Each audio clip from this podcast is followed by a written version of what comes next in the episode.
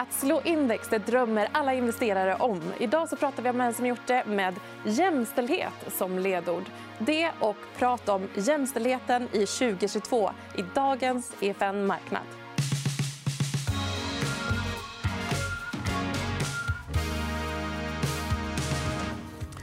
Ja, men det här som sagt med att slå index. Vi har med oss Johan Florén som är kommunikationschef för AP7. Och sen så har vi också med oss Sandra Burben. Du driver Framtidsfeministen. Eh, Johan, först en fråga till dig som driver och mm, kommunikationen för en så stor investeringsplattform liksom, eller fond. Mm. Eh, det här med att slå index, kittlar det i magen för dig? Nej, alltså kittlar i magen det är inte riktigt rätt beskrivning.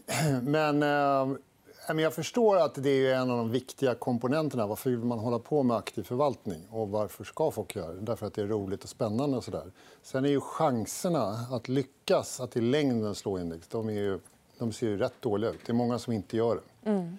Så Det finns liksom inga enkla sätt att göra det. Men är man privatsparare så tycker jag då är det liksom att det är en positiv... Man tycker det är roligt och spännande och vill hålla på. Det är väl nästan det främsta skälet. Annars mm. kan man köpa fonder och fortfarande få Eh, aktieexponering. Ja, men exakt. Det är ju verkligen en, en dröm. och Det pratas ju om det eh, från ett investerarperspektiv ofta. Eh, du har ju då slagit eh, index via din eh, Eh, via din framtidsfeministen-portfölj. Och du har utgått från det med jämställdhet. Eh, hur har, du, har det varit ett mål för dig så att, säga, att slå index? Eller? Mitt mål var att det skulle gå lite bättre. och Det tycker jag att det har gjort. Eh, så Det är superkul. Men samtidigt är jag absolut ödmjuk och jag älskar indexfonder. Så. Men varför jag startade Framtidsfeministen det var ju för att jag ville investera i bolag som tror på en jämställd framtid. och Det har också visat sig att de är mer lönsamma. Men det fanns ingen sån fond då. Så jag var tvungen att plocka ihop den egna portföljen 2015. Eh, så att det har ju varit så här i efterhand. Jag är jätteglad att jag har gjort det. Eh, och nu har det ju faktiskt poppat upp såna eh, fonder också som man kan investera direkt i om man vill. Mm. Det finns lite olika liksom, perspektiv på det med jämställdhet. Det är ett generiskt begrepp som används på väldigt olika sätt. Hur jobbar ni på AP7 med jämställdhet? I första hand så vi jobbar vi som aktiva ägare. Det här är en del av vårt hållbarhetsarbete. och Det är där vi bedömer att vi absolut kan göra störst skillnad. Så det gör vi både i eh, form av eh, röstning och i rättsprocesser. Och i, ibland har det varit svartlistning också. Och såna. Så det är olika sätt att sätta tryck på bolagen för att få dem att eh, bli bättre på det här. Sen kan det spela in lite grann i förvaltningen, men det är inte en central komponent. och I synnerhet inte med med liksom det kapitalet och den strategin vi har. Överhuvudtaget så finns liksom de aktiva momenten i en rätt begränsad eh, utsträckning. Mm. Eh, du har ju å andra sidan då valt att fokusera på just ledningsgruppen. Varför är det så? Om man tittar på de rapporter eh, som har gjorts så har man sett att eh, en ledningsgrupp som har minst 30% kvinnor är också korrelerar med 6% högre vinster. Och man har sett att eh, styrelsen påverkar lönsamheten lite grann men inte alls i samma utsträckning. Och om vd är kvinna eller man det påverkar inte alls. Mm. Så just därför har jag valt att utgå från just ledningsgruppen. Och det är väldigt mycket snack om styrelser hela tiden. Men när man som jobbar på ett företag då är det ju ledningsgruppen som man ser eh, liksom dag, dagligdags. Så jag förstår också varför det påverkar lönsamheten. Mm. Man kan förstå att det pratas mycket om styrelse utifrån en inflytandeperspektiv eh, men också utifrån att andra länders börser har infört olika typer av verktyg som kvotering och så vidare för att liksom få till en jämställdhet där. Eh, men det har visat sig att det inte har påverkat alltid i så stor utsträckning ledningsgrupp eller Eh, i procent hur många kvinnliga vd man har och så vidare. Eh, vad tänker du om, om, när du hör den här siffran? Och, ser ni några internationell data på liksom, om det här påverkar? Mm. Ja, men eh, där vi ser att det, att det säga, har en roll att spela i förvaltningen det är om man håller på med lite mer riskfaktorer, olika typer av faktorinvesteringar. Och då kan man, det här skulle, kan passa in i om man till exempel försöker identifiera kvalitetsbolag eh, och inte bara titta på hårda variabler, alltså lönsamhet och sånt där, utan man tittar på kultur och sånt också. Och det är eh, helt klart en del eh, av kapitalförvaltarna som gör det. Så där passar det in i vår portfölj. Annars är ju, om man tittar på ägarstyrningen så har ju vi då... Alltså man, vi sitter ju på så att säga, ägarperspektiv. Så att även om man skulle ha information och kunskap om ledningsgrupper så är det liksom lite, kedjan lite för långt bort ifrån oss. Så det blir ju styrelser.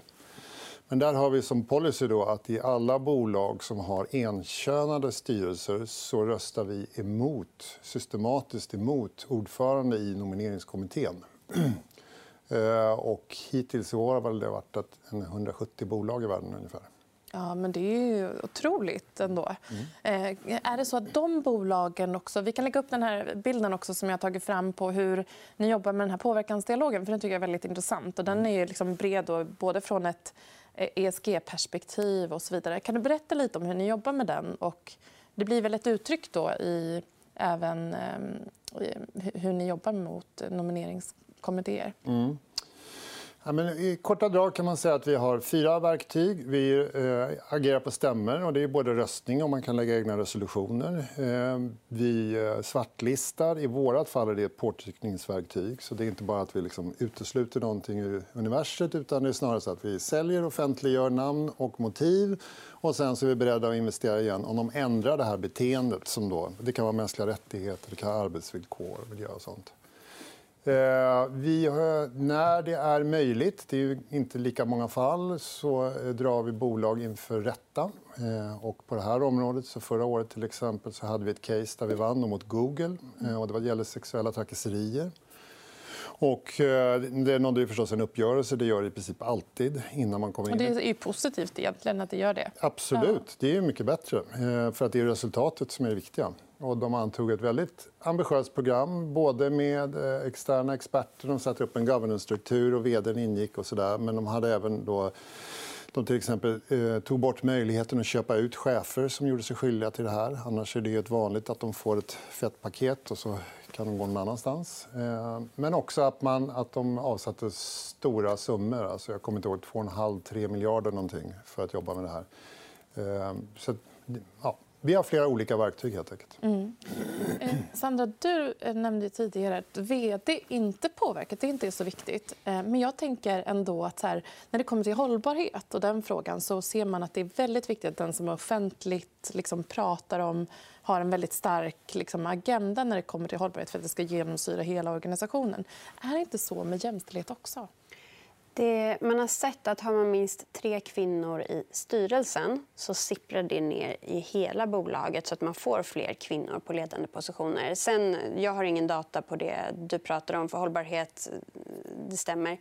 Ehm, för jämställdhet, jag vet inte. Mm. Men det är ju såklart alltid ett symbolvärde när man jobbar i ett företag och så ser man vad finns det för ledare här. Är det ingen som ser ut som jag, då känns det kanske inte som att jag har någon framtid där och då kommer man inte få fler av de minoriteter, vem det nu är man vill ha på ledande positioner som man saknar. Mm. Men om vi då tittar på liksom, eh, jämställdheten framåt. Mm. Eh, det finns ju mycket att göra. Det, det sker inte en jättestor förändring. Eh, förra programmet jag gjorde så mm, lyfte vi den senaste Allbright-rapporten. Eh, vad tror du kommer hända på det här området framåt? Och vad, vad har du för spaningar?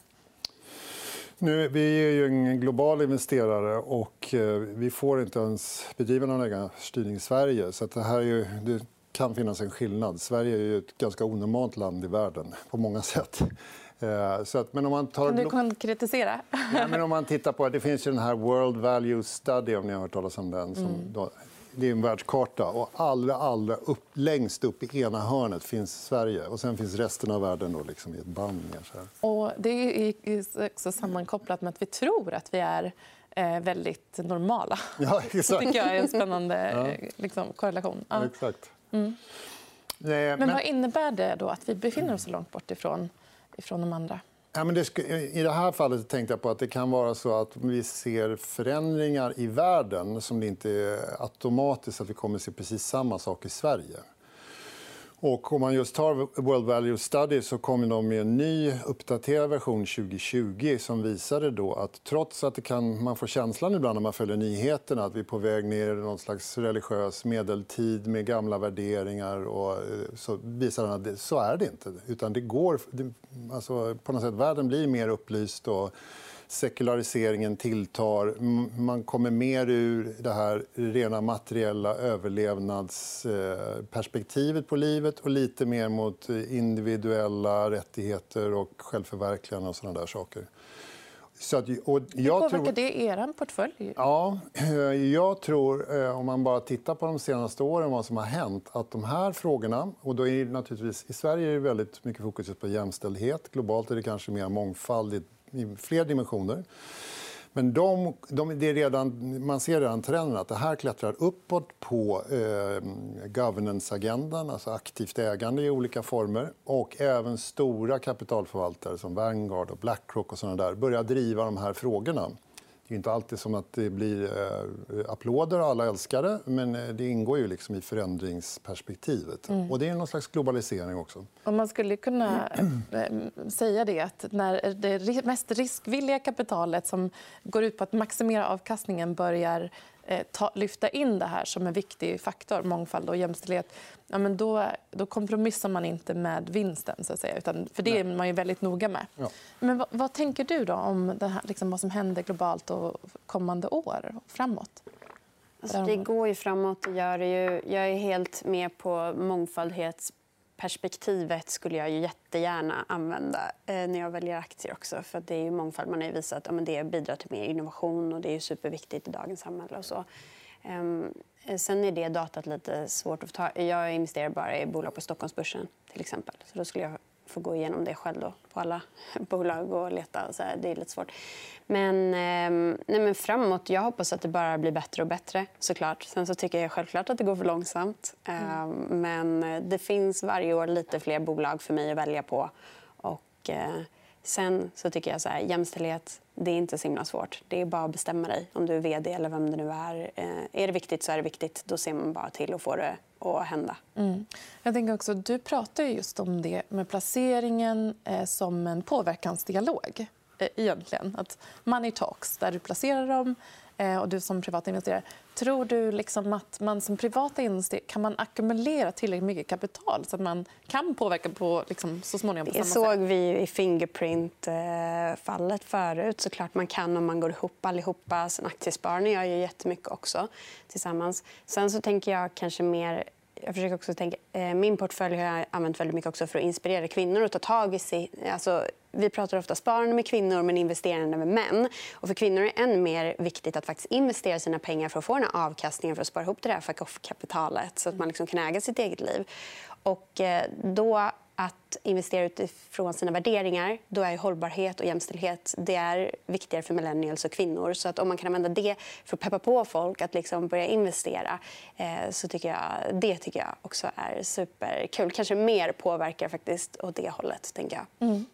Ehm, och, eh, när det kommer till... Liksom, för ni har ju en spridning av er portfölj Ehm, där ni också ni går in i onoterat, bland annat. Ni använder hävstångs... Ni tar risk, mm. så att säga. Det är jobbet. Eh, ja, eh, onoterat.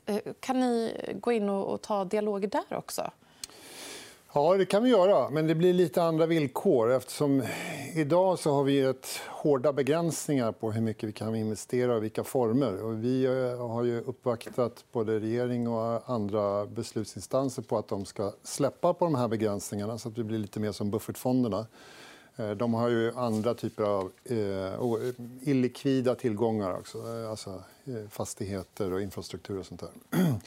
Så att när vi jobbar med eh, vår PE-portfölj får vi gå i eh, strukturer där man då jobbar med portföljen som helhet kan man säga via, då, om det är en fond-i-fond-struktur, via de mellanleden som finns. Mm. Men då har vi tagit fram en sån modell istället eh, så man kan följa upp och mäta årligen då, förändringen i så säga, samtliga bolag. Ser ni någon förändring? Ja, men det är väldigt tydligt. Nu kan man väl säga att de började på... De noterade bolagen hade kommit längre från början. Då. Så att en del av de här onoterade var ju väldigt omogna på hållbarhetssidan. Eh, men det som är kul är att då har det blivit tydliga effekter. Även om de börjar från en låg nivå så har det liksom blivit en ordentlig utveckling. Mm. Jag menar, onoterade bolag också, tänker jag, det är inte de minsta bolagen, liksom startup scale, utan det är ändå ganska etablerade. Kan du berätta lite om vilken, liksom, vilken typ av bolag det är? Ja, men ta, för att ta ett av de kändaste som inte längre är onoterade. vi var ju inne i Tesla tidigt. Och det var en otroligt bra investering. Aldrig hört om. Nej, exakt. Nej, men det är en båtmärke, tror jag. Nej, bilar. bilar. Ja, i alla fall. Nej, men, eh, eh, och det är ju ett typexempel när man har... Ska man vara ärlig, det är en kombination av skicklighet och tur. Ingen kan förutsäga exakt vad som kommer hända. utan Det blir en slags riskspridning och portföljapproach. Alla de här kommer inte lyckas, men några kommer lyckas. och De kommer ge en fantastisk avkastning. Och Tesla har ju hittills varit ett sånt exempel. Sen är det då de här utvecklingen kan man ju fortfarande känna lite så här... Okej, okay, nu hoppas vi att det går bra. Ja, exakt. Men jag tänker, kan inte du känna det då? Att så här, din, dina urvalskriterier begränsar att du egentligen skulle vilja gå in i andra bolag? Eh, och I perspektivet, så här, kan, påverkar jag egentligen? Alltså, ja, både och, skulle jag säga. Alltså, jag tror ju verkligen på en jämställd framtid. så Jag vill bara investera i jämställda bolag. Så att, eh, om eh, jag ser nåt bolag som ändå gör coola grejer och så tittar jag på ledningsgruppen och styrelsen och så är det bara män där. Då blir jag inte alls sugen på att investera där. faktiskt. Så att, eh, nej. Eh. Sen skulle jag självklart ha fler bolag att vilja välja från. Mm. Eh, apropå PE, så en, en tydlig erfarenhet det är att engagement, alltså att man har eh, så att säga, sam, samverkan. Det är påtryckningar, men ändå i samförstånd, så att säga, i dialog funkar mycket, mycket bättre i PE. Alltså det, det, händer, det är extremt ovanligt om man kommer som ägare och säger att vi skulle vilja prata mer, vi har en del idéer. Att de bara säger stick, vi vill mm. inte höra det. Däremot i stora noterade ryska oljebolag där kan det vara rätt hopplöst att ens få kontakt. Liksom. Mm. Så PE har en möjlighet på det sättet. på, på svarta, svarta listan. Ja, det kan man göra. Ehm, skulle det kunna vara så att den här typen av mångfald eller jämställdhet kan det vara en del av den här exkluderingslistan längre fram? Vad tror du? Svarta listan? Jo, men det, har, det finns såna exempel. Eh, även om det nog är så att eh, de som är, går så långt så att de eh, alltså på något sätt är delaktiga i människorättskränkningar eller arbetsrättsliga kränkningar. Så där. Det är inte lika vanligt nu. I, i, en gång i tiden så var ju faktiskt SLT uppe på vår svarta lista. för De hade underleverantörer i Mexiko som utförde graviditetstester då på sina anställda. och Så fick de sparken om de var gravida. Mm. Mm. Och, eh, när det, här hände, det, var ett, det är ju så ett exempel på när det väldigt snabbt fick effekt. De åtgärdade det här omedelbart. Idag tror jag att de flesta av bolagen på den nivån är eh, så pass så att säga, drillade i det här så de gör inte såna vad man nu ska kalla det. Eh, liksom alltså, grundnivån blir högre och högre hela tiden. Exakt. Ja. Men om vi då eh, kollar på liksom, de bolagen som du har som har ändå gått otroligt bra, eh, den, den jämställda portföljen. Eh, kan det korrelera? Jag menar, vi har haft en god fastighetsmarknad. Den har varit en av de mest jämställda. Är det de jämställda bolagen eller är det fastighetsbranschen exempelvis som har gått bra? Eh, sen, hela retailmarknaden den är ju också väldigt bra på jämställda, mm. men den har inte gått så bra. Mm. Så att, eh... eh det gick ju bra före, så att säga, för några år sedan. Mm. Eh, och sen så har det ställt om precis, till att backa. I alla fall de som var mer etablerade. Uppstickarna har gått väldigt bra. Mm. Men jag tror... Alltså min portfölj är ingen forskning. Jag väljer ut bolag baserat på ett, alltså fem olika kriterier. Och jämställdhet är det första jag har i ledningsgruppen. Sen försöker jag välja bra bolag som jag tror på framåt. Kan du eh, berätta om de fem kriterierna? Ja, men, eh, först är jämställdhet. Då, minst 40-60 fördelning. Så jag vill inte ha ett bolag som har 90% kvinnor i ledningsgruppen heller.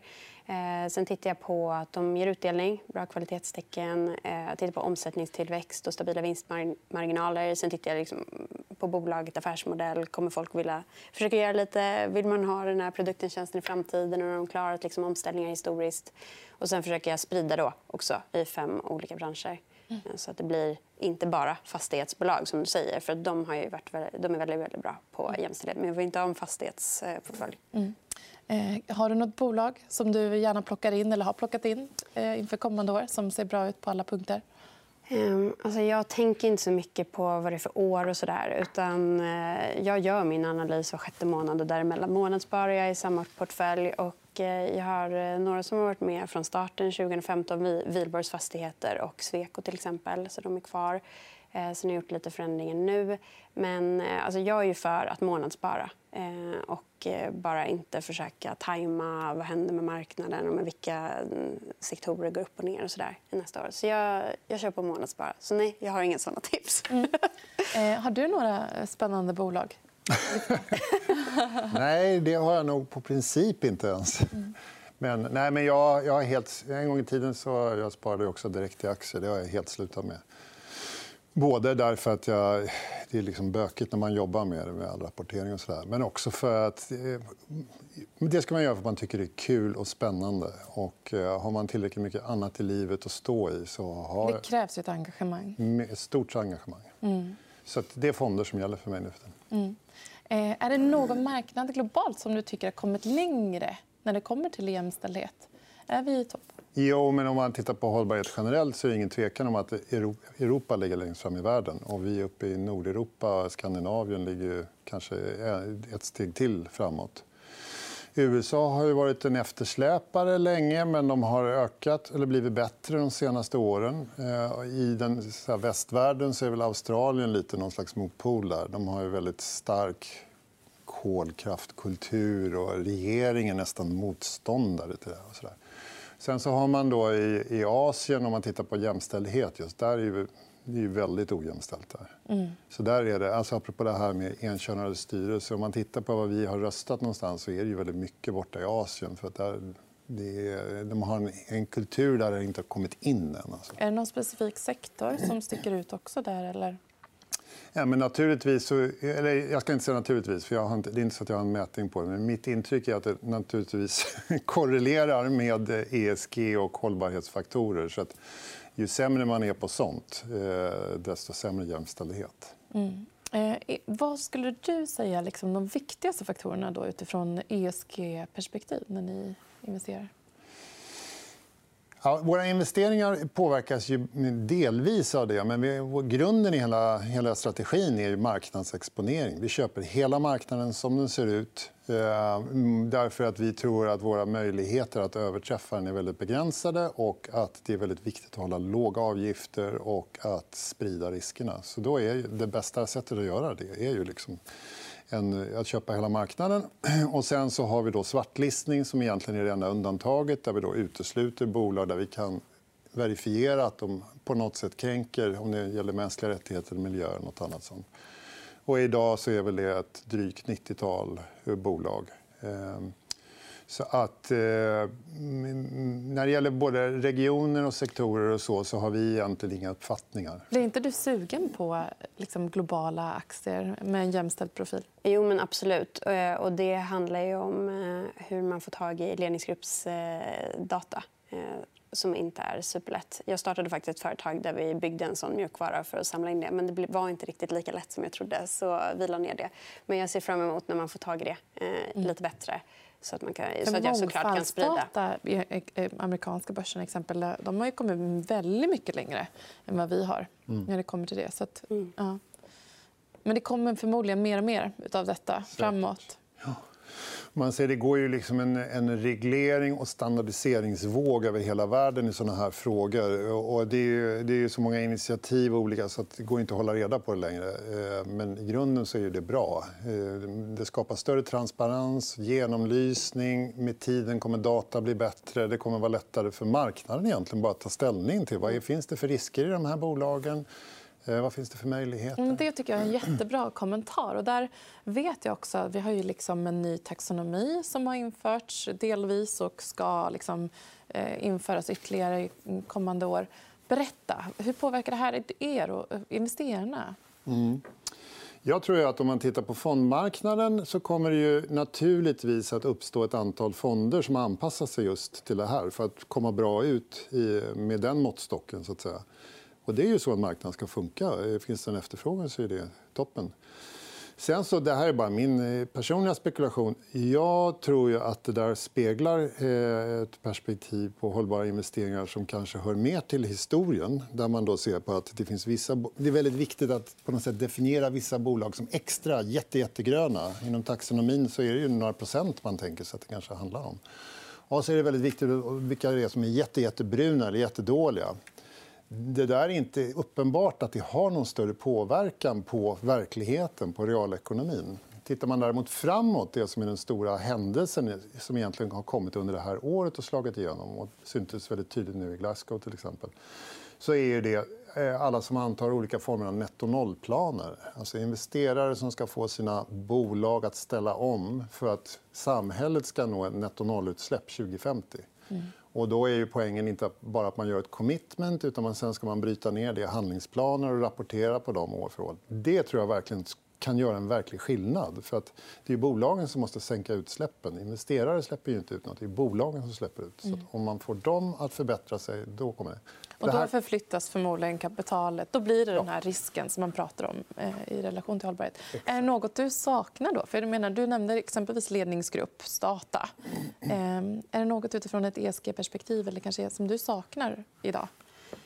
Det jag mest tänker utifrån ett privat, alltså privatperson som ska investera sina pengar. Där har vi sett att, alltså enligt Konsumentverket att marknaden för långsiktiga investeringar är en, absolut, en av de absolut svåraste att ta beslut på. Och, eh, I och med nya sätt att men hur vet jag? Den här fonden säger att den är hållbar. Vad betyder det egentligen? Och så, de olika fondbolagen gör på olika sätt. Alltså där behöver det bli tydligt för konsumenten hur jag faktiskt jag vill påverka med mina pengar. Jag vill sätta det i någonting som ja, men följer mina värderingar. Hur gör jag då? Alltså så att det blir transparent mer. Mm. Mm, tack. Någon sista kommentar, Johan? ja... Um det har sett ganska mörkt ut. Alltså så här, det har inte gått så bra, inte åt rätt håll med klimat och andra saker. Jag tror ändå att under 2021 att det har varit lite vändning. Att det är fler som är beredda att anstränga sig hårdare. Alltså, tidigare tycker jag att, det har varit, att man har för, haft överdrivna förväntningar på de små insatser man har gjort. Att man tror att det ska verkligen lösa någonting. Men det här året så har det blivit mycket mer samordning och mycket mer om vi nu ska kalla det hårda tag. Eh, så jag tycker ändå det finns skäl att inte vara helt pessimistisk. Mm. Tack så jättemycket för att ni var med och pratade om eh, de här frågorna i dagens EFN-marknad. Och vi är tillbaka på fredag, så då kan ni se fram emot ett helt nytt rykande färskt program. Tack för oss.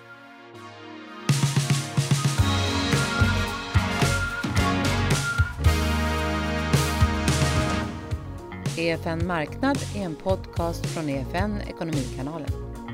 Ansvarig utgivare är Anna Fagerström. EFN finns även som app. Där hittar du alla våra videoinslag som hjälper dig att göra det bästa av din ekonomi. Du hittar appen i App Store och Google Play.